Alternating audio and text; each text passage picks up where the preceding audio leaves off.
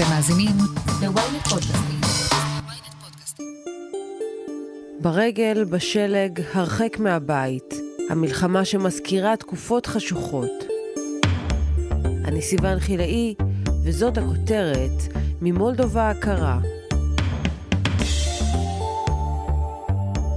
מאז שפרצה המלחמה באוקראינה והצבא הרוסי התגלה כחסר מעצורים שפוגע גם באזרחים, מעברי הגבול לפולין ומולדובה עמוסים במשפחות קרועות. רובם נשים וילדים שהכניסו את מה שהצליחו במזוודה ונמלטו אל הלא נודע. It's bad. It's very bad. בפרק מיוחד מגבולות אוקראינה אנחנו מביאים לכם את הקולות והזוועות של פליטי המלחמה. כמעט אפס מעלות כאן אה, בגבול בין אה, אוקראינה למולדובה.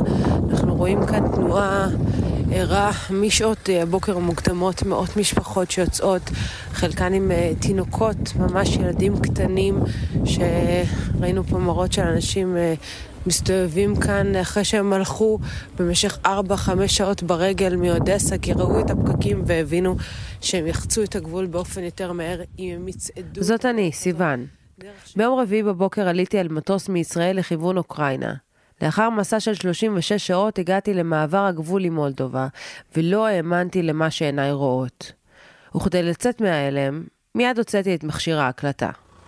המראות כאן של אה, אותם תינוקות שאוחזים בבובות וצעצועים ואין להם מושג מה זה מלחמה, אין להם מושג למה הם יוצאים מהבית שלהם והם לא יודעים כמובן מתי הם ישובו אליו ואם בכלל.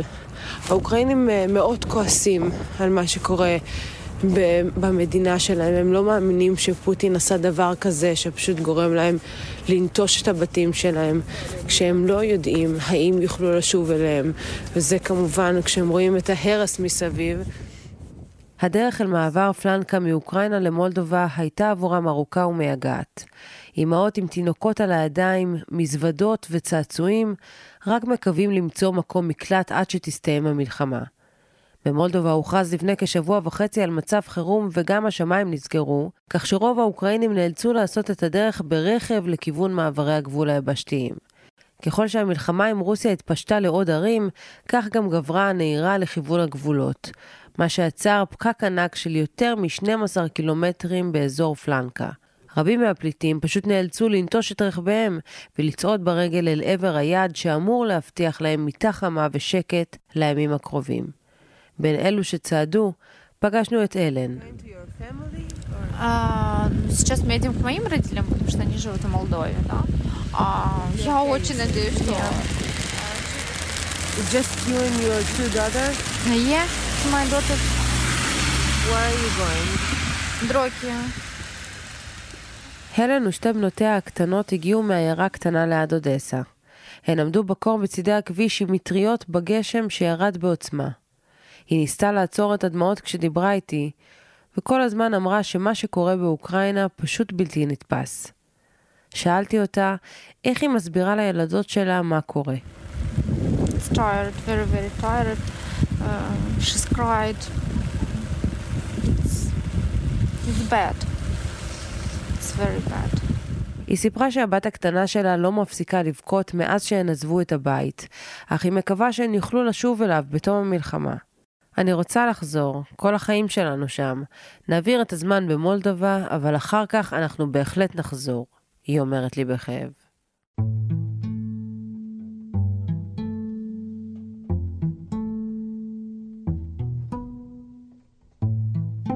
המשכתי לצעוד במורד הפקק ופגשתי את קסניה. בת 22 שצעדה עם בני משפחתה בצידי הכביש במשך ארבע שעות עד שהגיעו לגבול.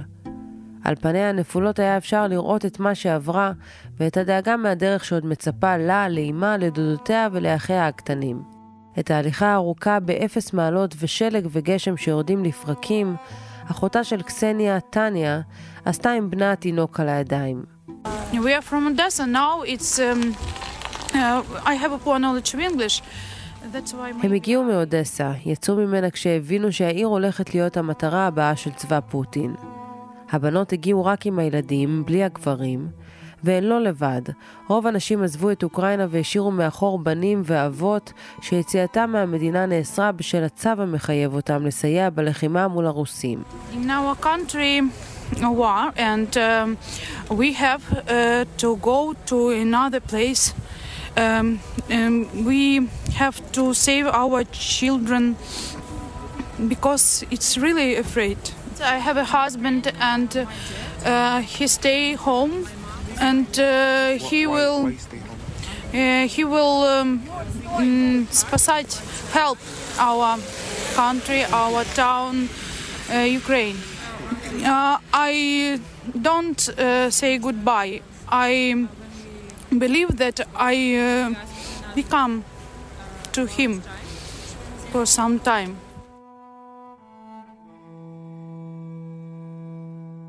טניה ברחה לגבול עם בתה זלטה בת השש.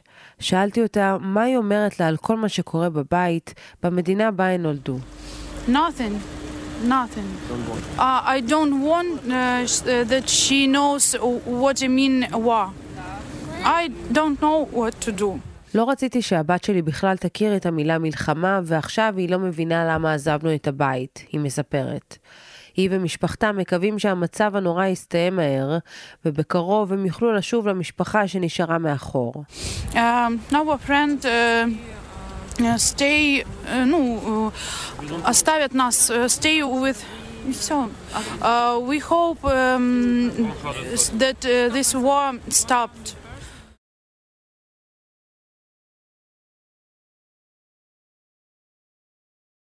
כשמתקרבים למעבר הגבול מרגישים את הבלבול. פגשתי את איגור, בחור אוקראיני שרצה לסייע להעביר אזרחים מהר יותר מהצד האוקראיני למולדובי, אבל כשהוא ואשתו ניסו לחזור לאסוף ילדים ונשים נוספים, נתקלו בסירוב של משמר הגבול האוקראיני להיכנס חזרה למדינה. Uh, my wife, a few, at 30 minutes ago, going and taking our car, yes? And a lot of people, the children, the, the kids, staying over there and waiting, coming. She asked in on a border. I, I'm going uh, alone, and I want to take it, the kids, with me. And uh, a border soldier uh, told, no, you cannot. You can take it, nobody. If you take it, uh, any any kid, you stay there, and you cannot go here. I don't know why. אחרי שהפליטים חצו את הגבול, המולדובים קיבלו אותם בידיים פתוחות, עם מחסה זמני בו הם נחים מעט ואוכלים ארוחה חמה. פגשתי את אנה, תושבת אודסה, מיד אחרי שחצתה את הגבול. אפשר לשמוע על הקול שלה את ההתרגשות וההקלה הגדולה. We're from Ukraine, we're from Odessa city in Odessa, and uh, thank you so much for your help uh, because we're coming, uh, we have now warm, you know about this, and uh, we're coming to Moldova and uh, a lot of good people here. Thank you so much for helping. Uh, we, we all hope that this is finished, our warm finish, and we can we can come back to our home. בגלל היעדר הטיסות מצפה להם עוד מסע ארוך עד שיגיעו לחוף מבטחים. חלקם בוחרים ללון בקישינב הבירה, אך רובם נוסעים לרומניה מבלי לדעת איך ייראה העתיד שלהם. אנה מתכוונת לנסוע עד גרמניה, לגור בתקופה הקרובה אצל קרובי משפחה. איך היא תגיע לשם? עדיין אין לה תשובה לכך. uh, and uh, after we're going to our family uh, Germany. We have a car, but it's impossible moving in car. Everything is stopped. Поехали. Thank you so much. We must uh, leave. Thank you.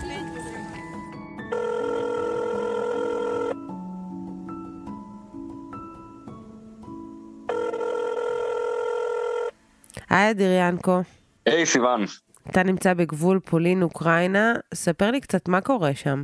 אז באמת אה, פולין אה, היא זו שקיבלה את אה, חלק הגדול מאוד של הפליטים, מתוך 1.2 מיליון פליטים, על פי נתוני סוכנות הפליטים של האו"ם, כ-700 אלף הגיעו לפולין, ובאמת יש פה המון מוקדי סיוע לצד מקומות שהפכו למקומות לינה בעצם עבור הפליטים. יש פה כמה מעברי גבול שהתנועה לתוך פולין מאוקראינה בעצם לא נפסקת, והנוכחות של פליטים, של אוקראינים כאן באזור, באזור שסמוך בעצם לגבול, היא מאוד מאוד מאוד דומיננטית, משמעותית. ניתן בעצם לנסוע ברכב ולראות לא מעט מוקדים שהוקמו ככה, את יודעת, אד הוק, ממש לצורך הקליטה המיידית, וזה מאוד ניכר באזור. וכמובן שגם הקור יש לו חלק בלתי נפרד מהמסע הארוך שאותן משפחות עשו אל הגבול, וכמובן אחרי הגבול, ששם הדרך שלהם לא נגמרת. גם אצלכם זה קפוא כמו אצלנו, כי אני פשוט עמדתי שם בגשם, ברד כן, ושלג. שהוא...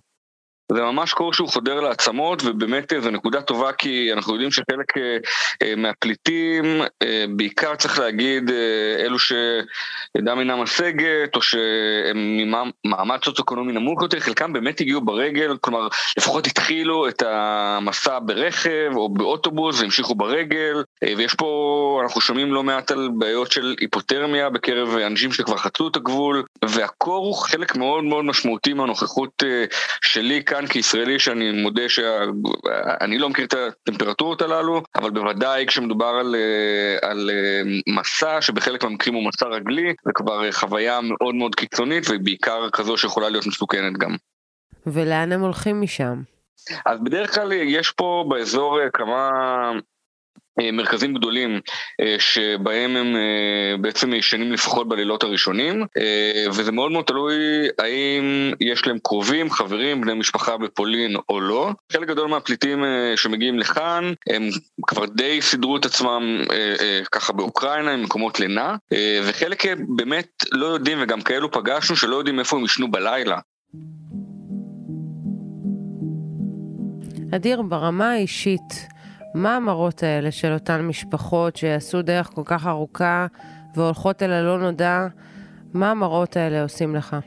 אז תראי, זו שאלה מצוינת, אני חושב שבעיקר התגובה היא שאני אתחיל לעכל את זה, בדגש של להתחיל, רק כשאני אחזור לארץ. אני חושב שאני כרגע כל כך בתוך האירוע, שאין לי אפשרות כרגע להסתכל עליו מבחוץ, אבל בהחלט מדובר על מראות קורעי לב, שאני לא חשבתי שאני אה, אראה בימי חיי, ואני עד, עדיין לא מעכל את זה שאני בעצם פה מהבחינה הזאת, כי זה קשה מאוד, קשה מאוד לראות את המשפחות שבאמת אה, מתפרקות, קשה מאוד להסתכל כמובן על הילדים, אה, שהחיים שלהם השתנו בצורה מאוד מאוד מאוד דרמטית ואפילו אכזרית, וקשה להיתקל בהמון המון אומללות והמון, אפילו הייתי אומר גם רוע, בצורה כל כך מרוכזת, וכל כך הרבה אנשים נפגעים מזה.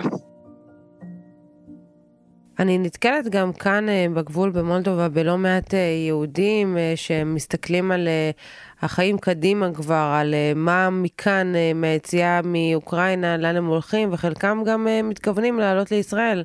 תראי, מה שעולה וחוזר בעצם פעם אחר פעם בכל השיחות, זה אהבה, אהבה מאוד גדולה לאוקראינה, כלומר למדינה שממנה הם באו, הם אוהבים את אוקראינה, הם מאוד מדגישים שאין להם שום כוונה להישאר בפולין, הם רואים את העתיד שלהם באוקראינה, ופה גם נכנסת שאלת העיתוי, כלומר מתי בעצם יוכלו לחזור לאוקראינה, כפי שאמרתי מקודם, חלקם מניחים, מקווים, מעריכים שזה יקרה תוך ימים בודדים, וחשוב להם מאוד מאוד להדגיש שהם גאים במדינה שלהם. ולכן מה שאני שומע כרגע זה בעיקר איזשהו רצון לחזור לאוקראינה בהקדם האפשרי ולא לבנות את העתיד שלהם במקום אחר.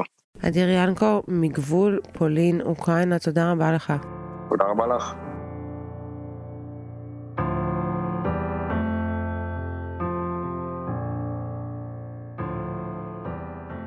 לפי הערכות, מאז פרוץ המלחמה עברו בגבול פלנקה למולדובה כ-100 אלף אוקראינים, מתוכם כ-5,000 יהודים.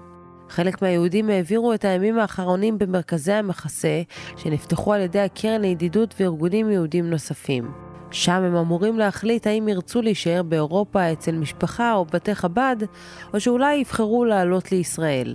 בני חדד, מנהל מערך העלייה בקרן לידידות, מסביר. אתמול בלילה שהיינו שם, שאלנו, בערך חצי מהאנשים הרימו יד שהם מתכננים לעלות. או שיש להם ויזות או שהם מתכננים לבוא לעלות. זה בערך 50-60 אחוז במצב הזה. חלק אמרו שהם לא יודעים, לא שהם לא בטוחים, אבל הם לא יודעים עדיין, מחכים לראות במצב. ויש מיעוט שאומר, אנחנו בכל מקרה, אין לנו תוכניות לעלות, אנחנו נחכה עד יעבור זעם. אתם מופתעים מהביקוש הזה? האמת שזה עולה לציפיות כרגע, כרגע קיבלתי טלפונים על uh, עוד קבוצה של 50 שהגיעה לקישינב שרוצה לבוא מדניאפו פטרובס ועל עוד כל הקהילה בדניאפו שבערך 400 איש שמתחילים להתארגן ליציאה משם שחלק מהם רוצים לעלות כלומר המספרים מתחילים לטפס uh, מיום ליום אתה יכול לספר קצת על מי נמצא פה, מאיפה היהודים האלה הגיעו? יש פה שני סוגים, יש פה קבוצות מאורגנות שהביאו מקהילות באודסה, בדניפר, בחרקוב, הם חצו את הגבול, הודיעו שהם באים, פגשו אותם, הביאו אותם לפה והם משתכנים פה. ויש כאלה גם בודדים שהגיעו דרך ה... ויצרו קשר. כל מי שנמצא פה הוא זכאי עלייה לארץ. חלק מהם מתכננים לעלות, לא כולם, חלק מתכננים להישאר עד יעבור זעם. אבל ברגע שחלק מהקהילה היהודית, אז דואגים להם בין אם כך בין אם כך. כלומר, אין פה תנאי, תהיה פה חמישה ימים תעלה לארץ, יש פה כאלה שיהיו שם תקופה. ואיך הגיעו יהודים רבים בקבוצות מסודרות, אתם בטח שואלים? בשונה מרוב האוכלוסייה האוקראינית, הקהילות היהודיות מתפקדות לאורך השנים כמוסד מאורגן, מה שאפשר פינוי יעיל. בנוסף לכך, נוספו יוזמות מקומיות לחילוץ ישראלים ויהודים עם פרוץ הקרבות. יוזמה אחת כזאת מנהל גיא עמר מבעלי השליטה בחברת ההייטק Group 107. אני גיא, אה, בן 28, ירושלמי, הייטקיסט, גר כבר בעיר לבוב קרוב לשש שנים. בעולם של היום גם מלחמה עקובה מדם לא יכולה לעצור את תעשיית ההייטק, ובחברה של גיא ממשיכים לעבוד כרגיל וגם לחלץ ישראלים ויהודים. אז דבר ראשון, הפעולה הראשונה שעשינו הייתה באמת להוציא חלק גדול מהעובדים שלנו לפולין, לעבוד משם, וחלק מהעובדים שנשארו פה בלביב עדיין מגיעים למשרד אה, ברמה היומיומית, ממשיכים לעבוד. דאגנו לציוד לשעת חירום, ציוד רפואי, מים, אוכל יבש, כל מה שצריך אה, במידה וההסלמה תגיע גם לפה. איך אפשר גם לסייע בחילוץ וגם להמשיך לעבוד? ניהול זמן נכון, וניהול משאבים כמו שצריך. יש לי מתנדבים אוקראינים שבעצם עוזרים לי לתפעל את האופרציה אצלנו במשרדים, אבל כן אני נרתם המון וכן עוזר המון למאות אנשים שפונים אליי. אה, אני יכול להגיד לך שחילצנו עד עכשיו קרוב ל-400 בני אדם, אה, רובם יהודים וישראלים. רק בשעות האחרונות הוצאנו עוד אה, שלושה אוטובוסים, אז אני מעריך שהמספר היום כבר עלה לאזור ה-500. ביום הראשון והשני היה טיפה כאוס, היום אנחנו די בנינו מערכת משומנת, שיודעת לבצע קליטה של האנשים, יודעת לתפעל את כל האירועים מסביב אה, ולנהל את זה כמו שצריך, וכמובן בין היתר, להמשיך לנהל שגרה מסוימת. כשאנחנו מדברים על חילוצים, אתם בטח מדמיינים סצנה הירואית כמו בסרטים. רכב מגיע ולתוכו מזנקים המחולצים תחת אש. גיא אומר שבחלק מהמקרים זה לא רחוק מהמציאות. אז זה משולב, אז כן, יש התארגנויות של אה, גם חמ"לים מהארץ, גם אה, התארגנויות פרטיות, שבעצם מוציאים אוטובוסים אה, ממש תחת יריות, תחת טילים. לפני כמה ימים התבשרנו על הבחור בשם רומן, שנהרג בעת שהיה יחד עם שיירה בדרכו לאזור המערב, בעצם אליי, לפה, לאזור לבוב. כן יש אוטובוסים וחילוצים כאלה, כמו שבאמת מדמיינים ורואים בסרטים. אני אתן לך סיפור מהימים אה, ממש ביומיים האחרונים, הגיע אליי הבחור אה, איתמר מור, שהיה בנסיעה מקייב עד לפה בערך 40 שעות, ללא שינה, כמעט ללא אוכל, ללא שתייה, אה, נהג כל הדרך לפה, והדבר הראשון שהוא הגיע זה בעצם היה מבחינתי לתת לו חיבוק חם, לחבק אותו חזק, והיום הוא כבר שולח לי סרטונים שלו מהארץ, שהוא עם המשפחה והילדים והכל בסדר, והוא רגוע ובמקום טוב. אז uh, הם מגיעים אלינו, אנחנו מבצעים קליטה, אנחנו קודם כל ממסמכים את כל הפספורטים שלהם, מבצעים רישום מסודר, שאת כל הרישום הזה אחרי זה אנחנו נוכל להעביר uh, בצורה מסודרת לשגרירי משרד החוץ. Uh, אחרי שאנחנו בעצם קולטים אותם, אנחנו דואגים להם למקום לאכול, לשתות, אם מגיעים באמצע הלילה אז כמובן גם מקום לישון. ולאחר מכן בעצם אנחנו דואגים לאוטובוסים, והאוטובוסים עוזרים להם להגיע למעברי הגבול השונים. ברגע שהם מגיעים למעברי הגבול, אני כמובן מעביר את כל האינפורמציה למשרד החוץ, לנציגים השונים שלהם, וגם לחמ"לים השונים בארץ, ושם מנסים לסייע ככל שניתן, אם זה לעבור את הגבול, אם זה לטפל במקרים מיוחדים. לפעמים יש מענה מהיר, לפעמים זה מתעכב ולוקח המון שעות. מאז המקרה שהיה עם הישראלי שנהרג לצערנו, אז ההיענות וההיערכות של משרד החוץ היא הרבה יותר מקיפה והרבה יותר רספונסיביים. ברגע שהם חוצים את הגבול, לצערי הרב, וידיי כבולות, ומעבר לזה אין לי כל כך מה לעשות. אני מנסה להיעזר ביהודים טובים גם מהצד השני, שנמצאים שם, שעוזרים קצת עם הסעות, שאטלים, ומכוונים אותם לכאן שנמצאים אה, נציגים ישראלים.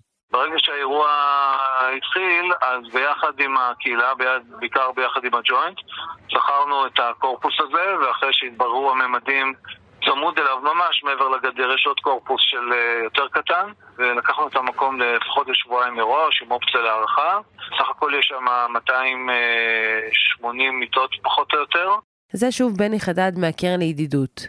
הוא אחד מהנציגים הישראלים שגיא דיבר עליהם. הם דואגים באופן מרשים למדי בסיוע לקהילות יהודי אוקראינה. והמקום אתמול בלילה התמלא עד אפס מקום. כלומר, המיטה האחרונה התמלאה עם פליטים מוויניצה שהגיעו אה, אתמול בלילה. ואנחנו אה, בעצם מוצאים פתרונות נוספים, שזה עוד מתקן אחד שהוא רחוק 100 קילומטר מקישינב, אה, שאנחנו שוכרים ביחד עם הסוכנות מצע ואנחנו עובדים איתם ביחד על זה, ועוד מתקן שאם יהיה צורך, שהוא ממש על גבול עם רומניה, במקרה הצורך נוכל לשכן שם גם אנשים. ובתוך קישינייב הקהילה עכשיו קנינו ביחד מזרונים וציוד כדי אה, לאפשר להלין אנשים בבתי ספר אה, היהודיים פה על, על הבסיס שלהם במידת הצורך. באחד מבתי המכסה האלו שבני מדבר עליהם פגשתי את יסמין רבקה, ילדה יהודייה שמדברת עברית שוטפת. משהו די נדיר בנוף של יהודי אוקראינה. אה, אני יסמין רבקה, אני בת 13, אני מאודסה, מאוקראינה. יסמין רבקה הגיעה לגבול עם הוריה, סבתה ובת דודתה. הם הגיעו לשם אחרי נסיעה של 17 שעות, ומאחוריהם השאירו עולם שלם. לפני שעזבה היא עשתה דבר אחרון, שלחה הודעה לחברות שאולי לא תראה יותר לעולם. בהתחלה אני בכיתי, ואז אני כתבתי לחברות שלי שאני עוזבת, והם אמרו לי שהם כבר באוטובוס והם גם עוזבים. רציתי לנסוע איתם, אבל זה לא היה ככה. וזה קצת עצוב, אבל אני שמחה שאני פה, ואני לא מפחדת ממשהו. אין לי מילים לתאר את הרוח האופטימית והבוגרת של יסמין רבקה, שהפכה בגיל כל כך צעיר לפליטה שצריכה להגן על האחים הקטנים שלה מהפגזות הרוסים. פשוט לאח הקטן אמרתי שזה משחק. התלבשנו מהר והבטחתי לו שאם הוא עושה מה שאני אומרת לו, כאילו מתלבש מהר וזה, הוא מקבל מיץ בסוף. מיץ שהוא הכי אוהב זה מיץ תפוח וסטרוברי. יסמין רבקה היא אחת מתוך יותר ממיליון פליטים במזרח אירופה של 2022. מיליוני חיים נורמליים שנעקרו בן לילה והפכו למסעות ארוכים בעקבות הלא נודע. חשבתי שאת המראות האלה אני אראה רק בספרי ההיסטוריה, אבל ראיתי אותם בעיניים שלי. ביסמין רבקה היא הכניסה בי טיפת אופטימיות. את מבינה שיש אצלכם מלחמה במדינה ושגם יכול להיות שלא יהיה לכם לאן לחזור? לא, אני לא מבינה את זה ולא רוצה להבין. אני, אני מאמינה שהכל יהיה בסדר, כן. ועד כאן הכותרת להפעם. אתם מוזמנים לעקוב אחרינו בוויינט או איפה שאתם שומעים את הפודקאסטים שלכם. אם זה קורה בספוטיפיי או באפל פודקאסט, אתם מוזמנים גם לדרג אותנו ולהאזין לפרקים נוספים שלנו על המלחמה באוקראינה. אחד מהם הוא האיש שראה הכל על המלחמה מהעיניים של רון בן ישי הנמצא בתוך קייב המשותקת. וכמו בכל פעם, אל תשכחו לשלוח את הפרק לחבר שעדיין לא שמע את הכותרת של היום. עורך הפודקאסטים הוא רון טוביה. גיא סלם סייע בעריכת הפרק, תודה מיוחדת לקרן לידידות שסייעו לנו במסע המטלטל הזה. על הסאונד ניסו עזרן, עטילה שומפלבי הוא גם חבר בצוות הכותרת. אני סיוון חילאי, קישינב, מולדובה.